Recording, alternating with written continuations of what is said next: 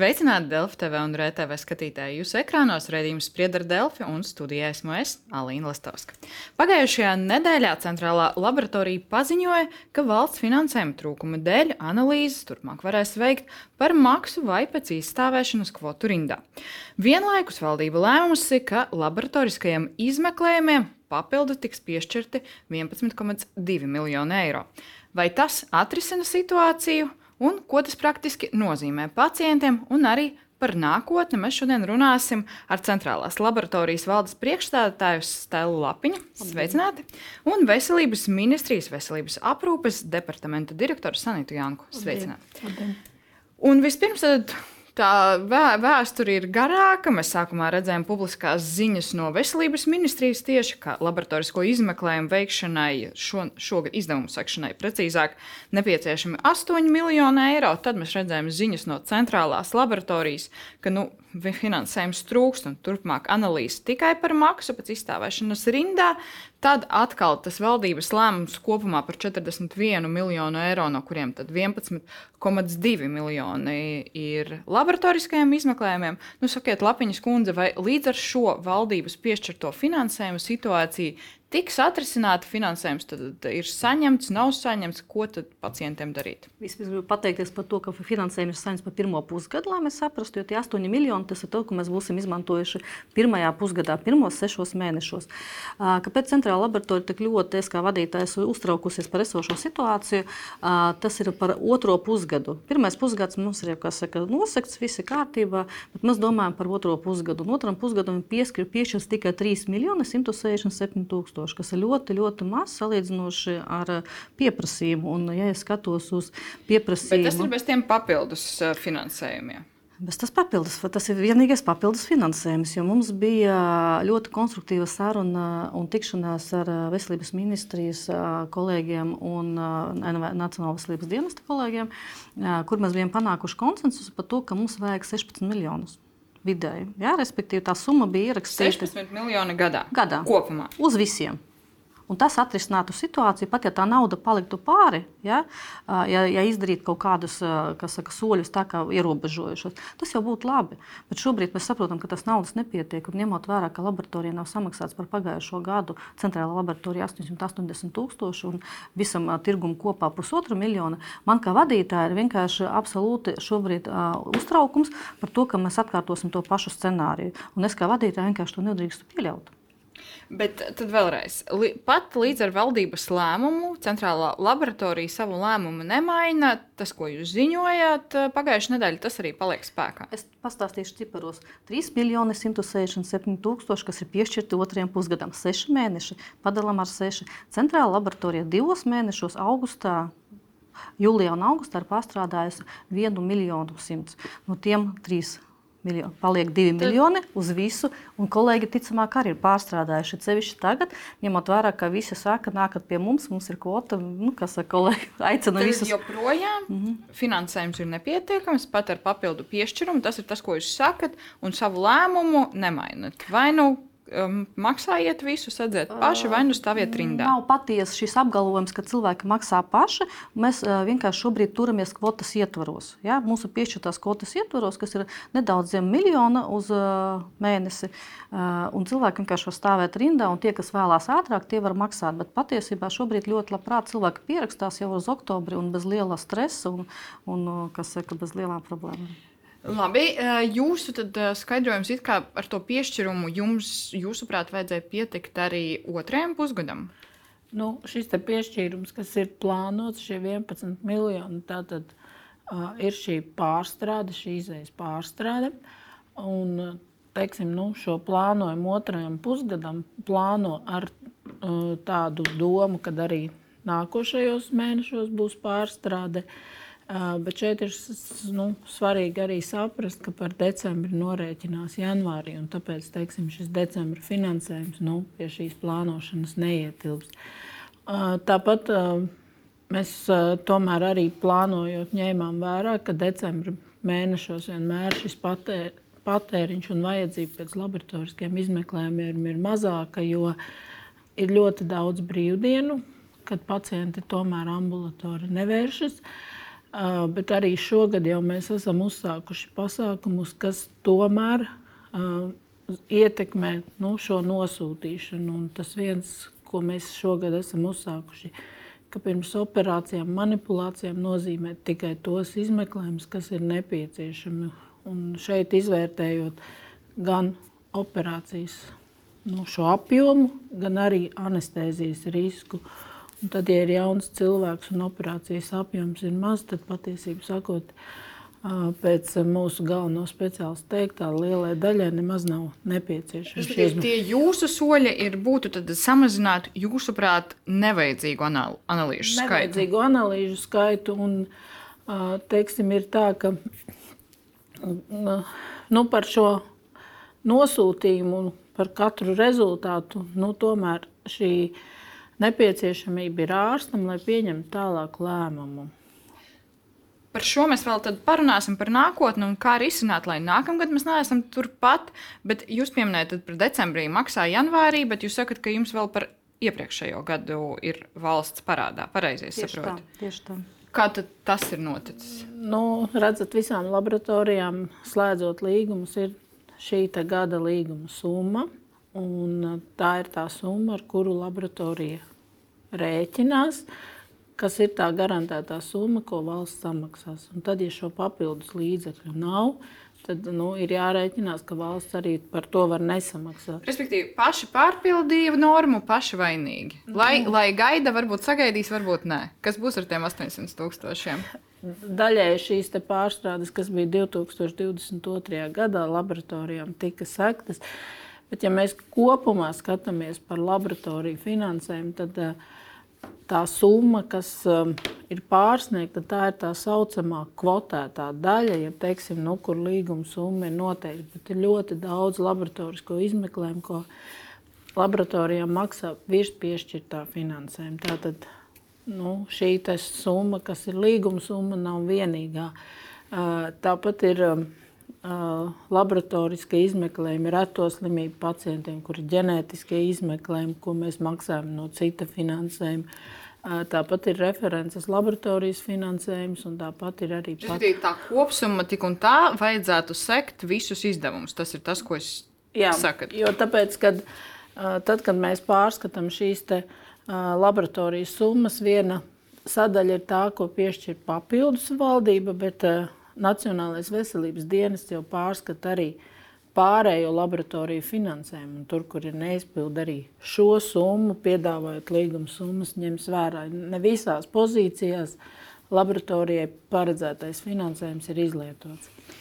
Ko jūs uz šo varat atbildēt? Ja tomēr kopumā skaitam, tad situācija Ziniet, nav tik sarežģīta. Sistēmas cilvēks, un principā, ja mēs paskatāmies visus iepriekšējos gadus, situācija viena un tā pati viņa katru gadu atkārtos.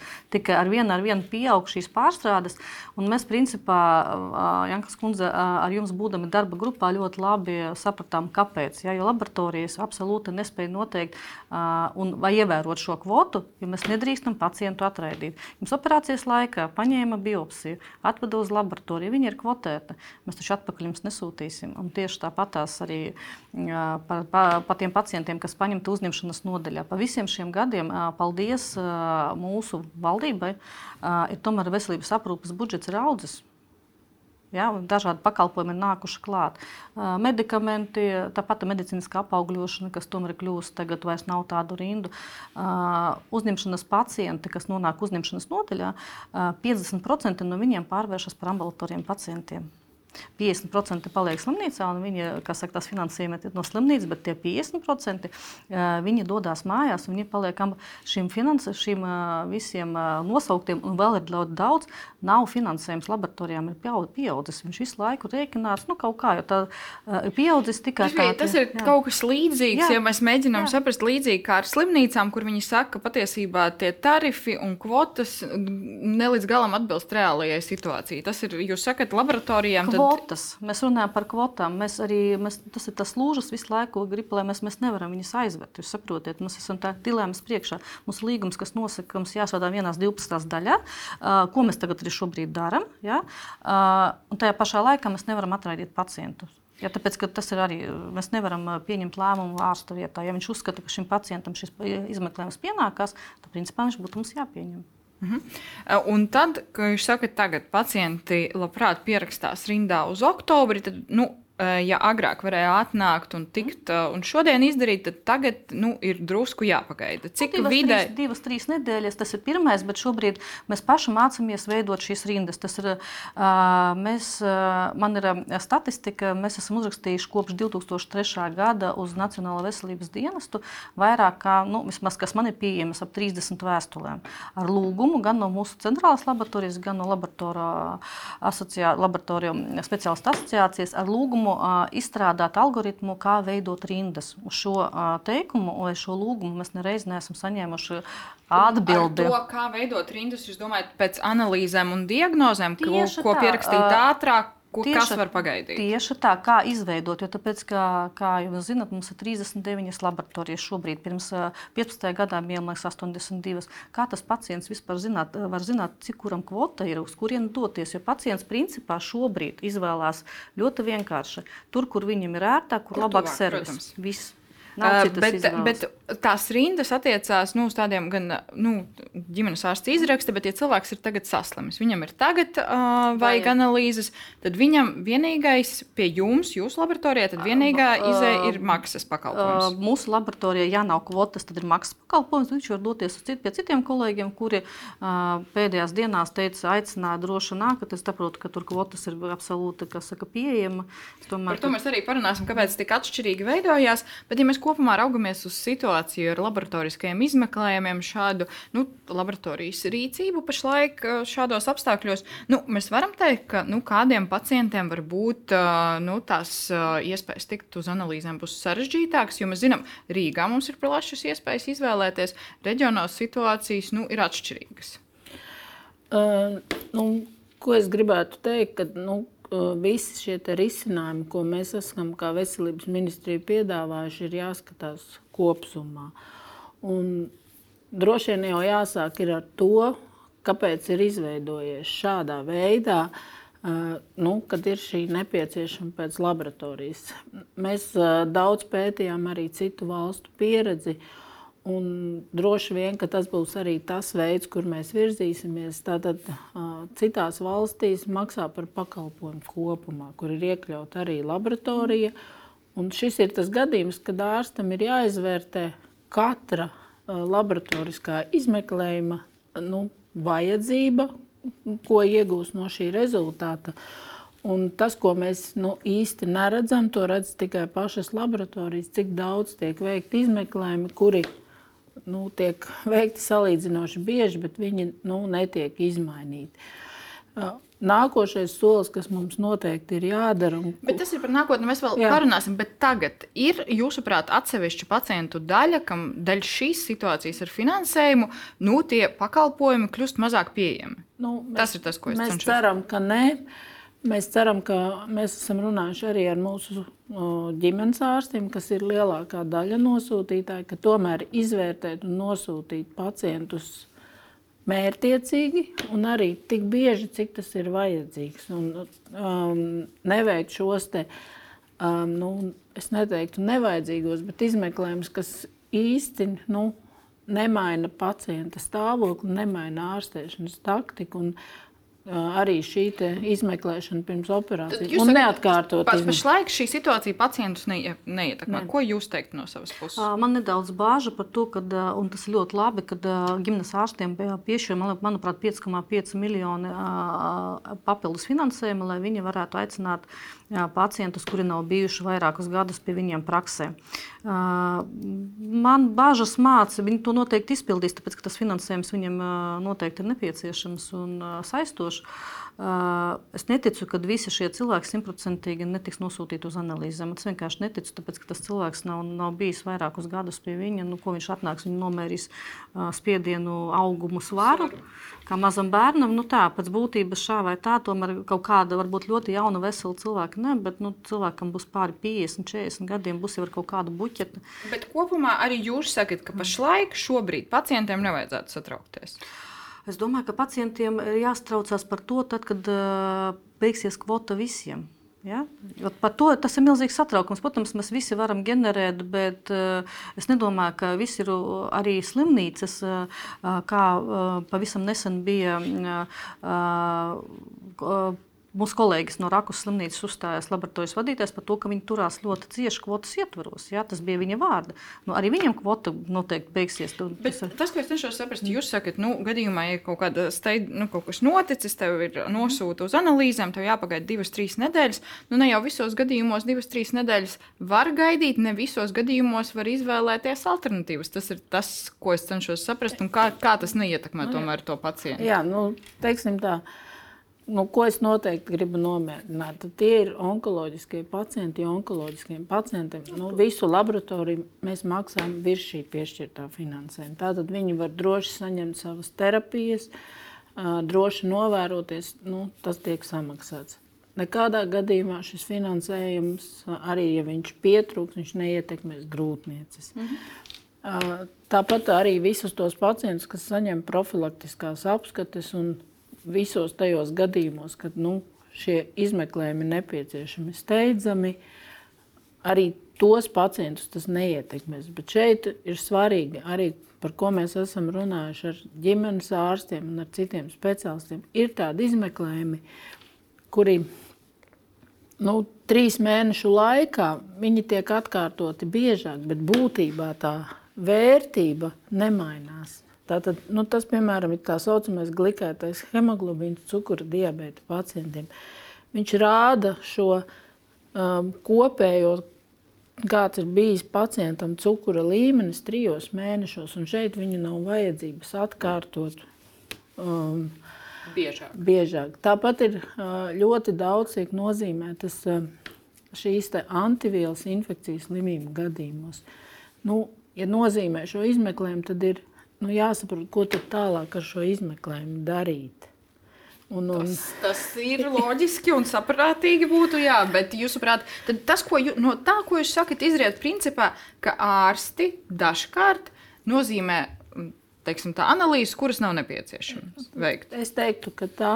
Jums ir kādas aplēses, cik bieži tas notiek, vai kāda tā ir daļa no izmeklējumiem, vai jums kopumā ir tādas? Nu, mēs kopumā pie šiem datiem strādājam, un patiesībā sakot, mums vislielākā problēma ne tikai laboratorijas, bet kopumā veselības aprūpē ir tas, ka šie dati nav digitalizēti un viņi nav vienvietas. Katrai laboratorijai ir sava sistēma. Un, teiksim, Ja es kā pacients aizēju uz centrālo laboratoriju, man veids visu šo izmeklējumu klāstu, es varu otrā dienā aiziet uz gulbi laboratoriju un veikt to pašu. Mm -hmm. Abos gadījumos valsts samaksās par, par to, ko mēs darīsim, un tās elektroniskie nosūtījumi, tas ir tas, pie kā jūs strādājat no nākamā gada. To mēs arī eh, parunāsim. Bet tas, ko es gribu saprast, nu, piemēram, kolēģi no aģentūras Lietuvas aptaujāja citas laboratorijas, MFD veselības grupa, valsts finansētos laboratoriskos izmeklējumus turpina pilnā apjomā bez ierobežojumiem.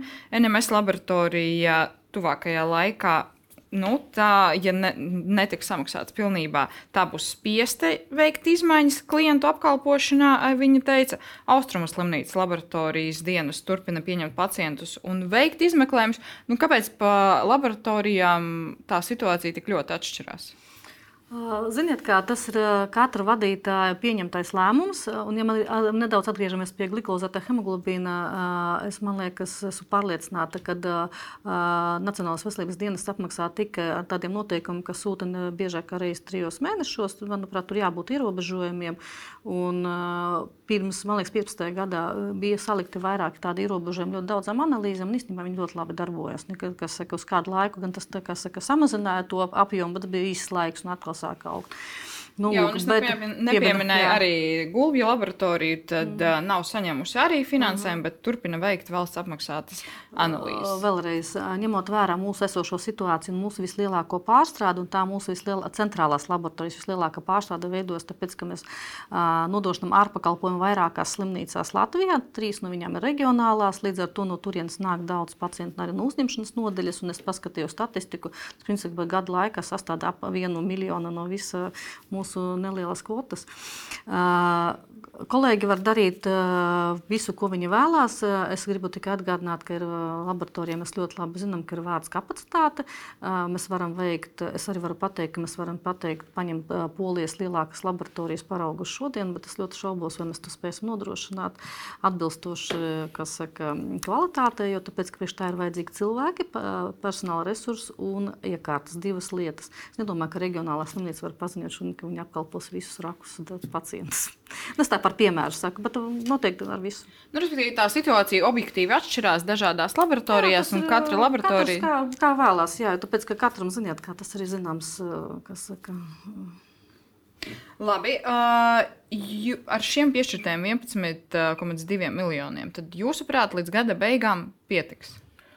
Nu, ņemot vērā iepriekšējo gadu tendences, mēs plānojam, ka jā, Bet nu, es nevaru jums arī šodien apgalvot un pateikt, nu, ka patiešām pietiks. Jo, nu, ir ļoti, tas ir atkarīgs no ļoti, ļoti daudziem faktoriem. Nu, gan pacientu plūsmas, protams, gan pacientu gan... plūsmas, gan arī teiksim, nu, cik pacients pats ir apzinīgs, cik viņš iet pie ārsta, cik viņš ielaiž savas slimības. Gan no tā, nu, teiksim, kas notiek infekcijas slimību jomā. Un šeit ir svarīgi arī ne tikai nu, lai pietiktu šī laboratorijas naudas, bet ir svarīgi, nu, lai cilvēki, ja ir slimi ar infekcijas slimībām, viņi ne, nestaigā uz darbu, neiet, tomēr ievēro, sēž mājās un ne visos infekcijas slimību gadījumos vajag noteikti lielu apjomu laboratoriju. Nu, ārsts ar šiem laboratoriskiem izmeklējumiem, tātad viņam ir nu, tas nepieciešams, lai pieņemtu lēmumus. Šeit neiet um, runa par pacientiem, kam ir onkoloģija vai kam teiksim, ir imūnsupresija. Tur ir pavisam cits stāsts, un, un protams, tiem vajag. Bet, nu, es, nu, vai pie katrām iesnām, vai pie katra klepus uzreiz vajag noteikti nu, gan bioķīmiju, asins bioķīmiju, gan pilnu asins ainu. Un, um, daudzus, teiksim, nu, šos. Nu, jūs sakat, ka nevajag pie katrām iesnām Jā. mēģināt sūtīt uz analīzēm, bet ko mēs darām, ja mēs nu, tagad redzam atkal ziņās, nu, ka vairāk cilvēki atkal slimo ar covid? Vai tas arī neietekmē situāciju? Nu, lai cilvēks ir drošs, skaidrs, jūs atbildīga situācija paredz, ka ne ar kādām iesnām, nekur cilvēkos mēs neejam, nemēģinam kādu citu aplipināt, bet nu, tomēr zinot, ka Covid varbūt cilvēks ir vēl piesardzīgāks. Nu, zinot Covid, bet katrā gadījumā šo lēmumu par laboratorijas analīžu veikšanu ir jāpieņem nevis pacientam, bet ir jāpieņem ārstam. Vai nu tajos gadījumos, kur nav pieņemama ārsta palīdzība, bet katrā gadījumā tā ir ārstniecības persona. Tad jūs sakat, ka līdz gada beigām vajadzētu pietikt, bet var gadīties dažādi, ņemot vērā, nu, protams, apstākļus. Jūs sakat, ka līdz gada beigām ar šo piešķirto finansējumu noteikti nevarētu pietikt. Nu, Mēs vienkārši skatāmies ciparos, un mēs skatāmies, kāda ir pacienta plūsma šodien, un mēs skatāmies uz šodienas datumu, šodien 18. septembris. Absolūti, šodien ir pirmā diena, kad mēs esam mēģinājuši saka, nu, apstādināt šo plūsmu. Jā, viņi ir sakritusies, bet viņi ir skaidrs, ka viņi ir pārgājuši kaut kur citur. Tie cilvēki, no kur nav pazuduši, jā, tad ticamāk, viņi šodien, saka, varbūt vairāk izmeklēs pie mūsu kolēģiem.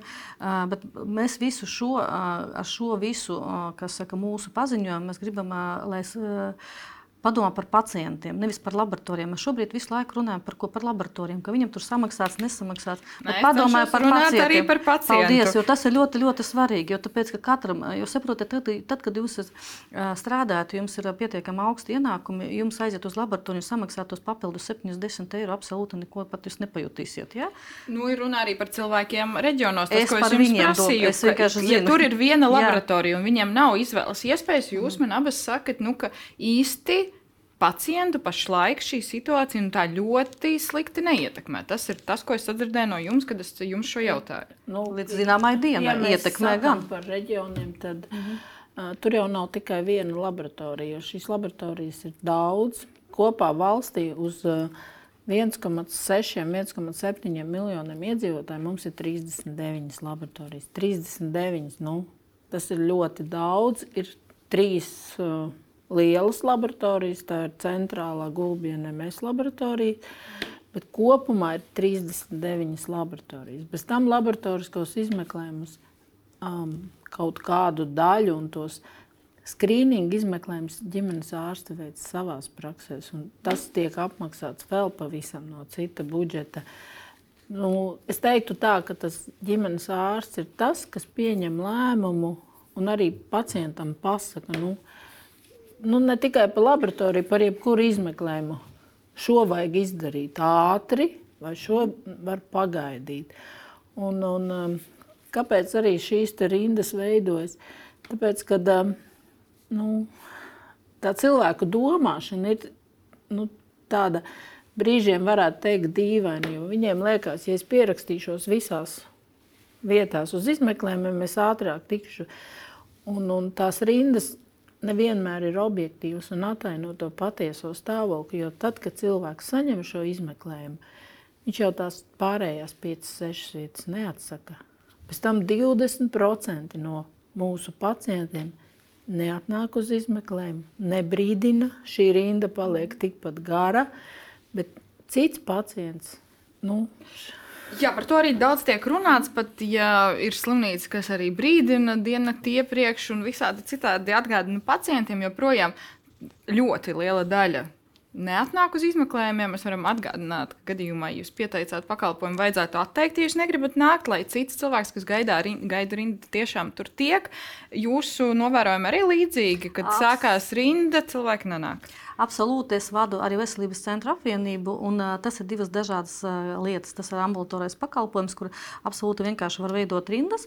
10% cilvēku neatnāk, neskatoties, ka viņam vakarā katru, kas saka, pirms pakalpojumu tiek atzvanīts vai uzrakstīts. Viņi tāpat neatnāk, gan apliecina, ka būs, bet mēs runājam par laboratoriju. Tad laboratorija ir visvienkāršākais un, manuprāt, vislētākais izmeklējuma veids, ko pacients var saņemt ātri. Un, Viņš ļoti informatīvs. 70% diagnozu tiek uzstādīti uz laboratorijas saka, analīžu pamata. Līdz ar to saka, mēs varam vienkārši veidot rindas, kuras varbūt citreiz ir, es jums pilnīgi Jankas kundze piekrītu, veidos nepamatoti, tāpēc, ka ļoti daudz var izdarīt arī ģimenes, ģimenes ārsta praksē un nesūtīt tur pie neirologa vai vēl kaut kur. Principā pie tā šobrīd arī strādā mūsu Lietuvas kolēģi, bet laboratorija ir pavisam kaut kas atsevišķs savādāks. Un tas, ko jūs sakat, tas, kas man arī satrauc šajā retorikā, nedaudz klausoties, nu, jūs sakat, nu, jādomā, lai tiešām vajadzīgi, tad, kad nepieciešams sūta, bet vai tas nu, neveicinās arī ārstus varbūt daudz piesardzīgāk izrakstīt analīzes un gadījumā, kad nu, varbūt pacientam tomēr vajag, viņš nu, teiks, ai, nu, ko tad es pārpildīšu tās kvotas, nu, nesūtīšu. Bet tāpēc nu, daudzās slimību diagnožu grupās ir izstrādāti tā saucamie algoritmi. Un tātad šis algoritms pasaka tos pie tādām, tādām stāvokļiem, vajag noteikt šo un šo. Ja nav izmainīts viss, Bet, ja ir izmainīts, tad mēs ejam šo izmeklēšanu tālāk. Tad algoritmi neļaus, tad gadījumā, ja vajadzēs nosūtīt, neļaus nenosūtīt. Tas Nē, nu, viņi nav. nevis neļaus no, nenosūtīt, bet vienkārši nu, tas būtu. Nu, nevajag bažīties, ka kāds satrauksies Jā. lieku reizi izrakstīt nosūtījumu. Mm. Jūsuprāt, jūsu pieredze kāda? Man ir, es esmu strādājis veselības aprūpas sistēmā vairāk, ļoti daudz vairāk, kā 30 gadus pieredzējis dažādas izmaiņas. Un tad, kad bija kaut kāds, neatceros, 8. gads vai pat tad, kad uh, bija tāda savu saucamā izmaiņu, tā kapitācijas nauda eh, un laboratorijas nauda gāja no ģimenes ārstiem, tad principā analīzes vispār bija izsīkušas. Ja? Nu, vai nu par maksu, vai tāpēc, ka tas, eh, saprotiet, jābūt samērīgumam. Nevar būt, jābūt visam, eh, kas saka, samērīgumam. Pacientam vajag tik, cik viņam vajag. Nevajag neko lieku izrakstīt, un šobrīd tā ir tāda retorika, tāpēc, ka mums nav statistikas. Mēs visu laiku sakam, kāds kaut ko lieku izraksta. Jūs sakat, ka jūs, ir? nu, kā, jums statistikas Fakti. vēl nav, bet jūs nu, to situāciju analizējat. Tad varētu būt kādi konkrēti gadījumi, vai jūs sakat ar to, ka nevar pilnībā izsakot pašlaik tai situācijai, arī tādu pilnīgu statistiku nevar iegūt par šo? Um, redzat, kā ir. Mēs varam izsakot uh, šī analīžu kvantitātei, to, ko apmaksā mm. valsts, bet mēs nevaram izsakot, vai šīs analīzes ir norma, vai viņas ir izmainītas. Uh, Un tāpat mēs nevaram izsakot arī, nu, mēs varam izsakot tikai šīs valsts apmaksātās, bet tā vajadzība jau nav tikai tā, ko apmaksā valsts, jo ir pacienti, kas vienkārši kas izmanto šīs apdrošināšanas polises, ir pacienti, kuru darba devējs var apmaksāt, un pacienti paši, kam ienākumi ir nu, plus mīnus tādi, ka viņi var atļauties. Jo kopumā šie laboratoriskie izmeklējumi, nu, liela daļa tas nav ļoti dārgi. Mēs esam uh, daudzu gadu garumā domājuši, kādā veidā ierobežot. Ir bijušas pat domas, nu, kad nu, varētu kādu analīzi nu, teiksim, nu, neapmaksāt no valsts. Nu, piemēram, pilna asinsvaina. Viņi maksā eiro ar kapekām, nu, ka to varētu maksāt pats pacients. Bet šeit tā smalkā robeža ir tāda, ka nu, ir pacienti, kam to vajag vienu reizi divos gados, bet, piemēram, ja tie būtu onkoloģiskie pacienti, kuri saņem terapiju, nu, tad zināmā mērā mēs viņus tomēr sodītu. Nu, šeit ir Pirmā vietā ir jāliek pacienta intereses un visi šie uzlabojumi, ko mēs veiksim, tikai tā, lai tas būtu pacientam draudzīgi. Pacientam draudzīgi un pacientu interesēs, un vēl pasliktināt Jā. pieejamību veselības aprūpei, nu, nebūtu saprātīgi. Nu, tas, ko arī eh, Latvijas televīzijā komentēja Rakus laboratorijas eh, vadītājs, viņš arī teica, ka mēs dzīvojam postcovida laikā, kad pacientiem nebija iespējas tikt pie ārstiem. Tagad tā iespēja ir vairāk cilvēku nāk, arī vairāk analīžu tiek veikts. Nu, jūs arī novērojat, ka tagad ir tāds pieaugums. Izteikti, izteikti. Mēs arī redzam pēc tam pārstrādēm. Viņas gan veidojas tāpēc, ka arī mums samazināja pagājušā gada bāze, respektīvi, ja mēs skatāmies, nu, pret ko mēs salīdzinām uh, tas pārstrādes. Uh, jā, ir post-covid, ir cilvēki ir nu, kļuvuši tomēr populācija nedaudz vecāka, un tā kā es arī minēju, ļoti būtiski izaugusi jauna, jauna sabiedrības daļa, jauni cilvēki, kam ir 30, 35. Nu, Citreiz arī jaunāki, kur ļoti rūpēs par savu veselību, jo viņi ļoti saprot, ka veselība ir visdārgākais. Mēs varam vienalga, ko runāt, bet analīzes ir tas, ko viņi tur cenšas reizi gadā nodot ar, da, ar dažādi, gan ar ģimenes ārstu nosūtījumu, gan ar apdrošināšanu, gan paši. Šis, šī plūsma ir ļoti dažāda. Pacientu plūsma ir pieaugusi. Protams. Tas ir viens, bet ja mēs nu, raugamies uz nākotni, uz nākamo gadu, kā mēs šeit secinājām, tad šāda situācija atkārtojas gadu no gada. Tas, ko jūs arī Latvijas televīzijai teicāt, tad ir, ir daudz daramo darbu. Viens no nākamā gada - elektronisks nosacījums, kas ļaus izsekot pilnībā tas situāciju. Izsekot, un arī, ka uh, tas neļaus pacientam pašam piezīmēt izmeklējumus, kurus viņa prāta, pacienta prāta vajadzētu veikt. Tātad, uh, Šeit ir, ko es gribu nomierināt arī pacients, un, un droši vien Lapiņas kundze man piekritīs. Tad, kad cilvēks nodod laboratorijā analīzes, tad visas laboratorijas nu, vismaz mēnesi saglabā šo sērumu, nu, kura var pēc tam nedurot mhm, atkārtoti vēnā, var noteikt papildus nepieciešamos parametrus, ja kāds no iepriekšējiem ir izmainīts. Tas arī būs viens no soļiem. Tātad nu, šis algoritms ir izmainīts, un tad iet tālāk šo soli. Nevis uzreiz visu paplāti mēs pasniedzam. Nu, tad sākumā pamatu, ja mēs Jā. redzam, ka pamatā kaut kas Jā. mainījies, tad būs nu, tad izmaiņas, uz kādām analīzēm ģimenes ārsts varēs sākotnēji nosūtīt, Jā. cik daudz. Tad elektroniskie nosūtījumi, vairāk sekojam līdzi, ārsti vairāk seko līdzi, kādas nosūtījumus, uz, uz kurienu viņi sūta, kāda vēl varētu būt soļi. Vienota šī sistēma, kur aizejot uz laboratoriju, laboratorija reģistrējot, kad ienāk šis nosūtījums, saka, jums šis izmeklējums ir veikts vakar, viņš nav bijis izmainīts. Tātad jūs nu, varat veikt, bet par saviem līdzekļiem. Um, tāpat arī, nu, kas mums ir noteikti jāstrādā, mums ir jāstrādā nākošajā gadā pie tarifiem. Un, ko es gribu teikt, ka visas laboratorijas mums nav vienādas.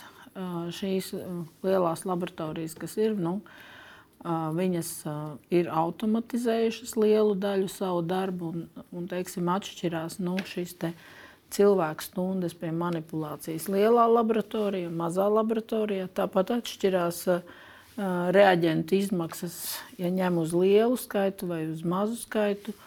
Un, un ko tas nozīmē laboratorijām? Tas, ka viņas būs atšķirīgas. Ka... Tas nozīmē to, ka mēs pārskatīsim tarifu. Nākošais jautājums, tad mēs arī lemsim, vai mums valstī vajag 39 laboratorijas. Šeit noteikti es gribu nomierināt pacientus, ka tas neskars stacionāro veselības aprūpi, jo tās slimnīcas, kas vēlēsies saglabāt šīs savas laboratorijas, viņi arī saglabās. Bet ambulatoros pacientus gan varētu ietekmēt.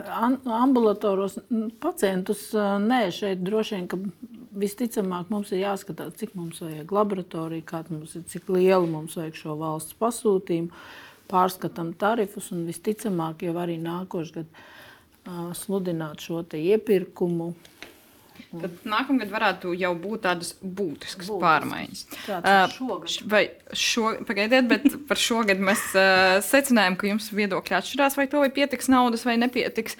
Uh, laboratorijas arī dažādi rēģē pašlaik, bet ja mēs raugamies uz tiem.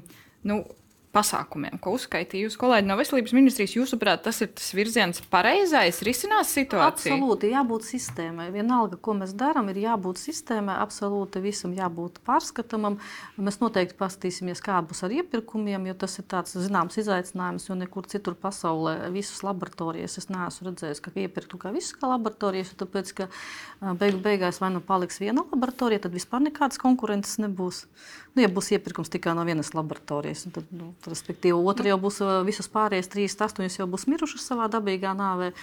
Jā, ir jābūt arī kaut kādam, ā, kas saka, arī jāievēro konkurences likums. Es domāju, ka arī skatoties uz. ā, Bet ā, kopumā Lai, atbalstāms. protams, jā, jo, es- lai jūs saprastu, uh, publiskās un privātās laboratorijas bieži to piemin. Es gribēju teikt par efektivitāti. Uh, mm, Par publiskām, labra, uh, par privātām laboratorijām uh, valsts vai pašvaldība nemaksā ne par dziekārtām, ne, ne par uh, kaut kādiem infrastruktūras uzlabošanu, ne par ko. Jo, uh, Bet uh, publiskajā sektorā tas viss iet caur Eiropas finansējumu, caur visu. Jūs saprotiet, Nu, ja jūs tas, sakat, ka līdz ar to tos tarifus ir- Tarifi jāskatās, jā, tāpēc, ka principā ļoti dažādi, kas saka, veidojas tie tarifi. Jā, tāpēc... To jūs noteikti vēl Jā. savā starpā diskutēsiet un ceram, ka tiešām jūsu diskusijā fokusā un galvenais būs pacients, lai nekādā gadījumā tāda veselības aprūpas pieejamība nemazinātos. Paldies jums par šo sarunu. Paldies jums, ka skatījāties un uz tikšanos jau rīt.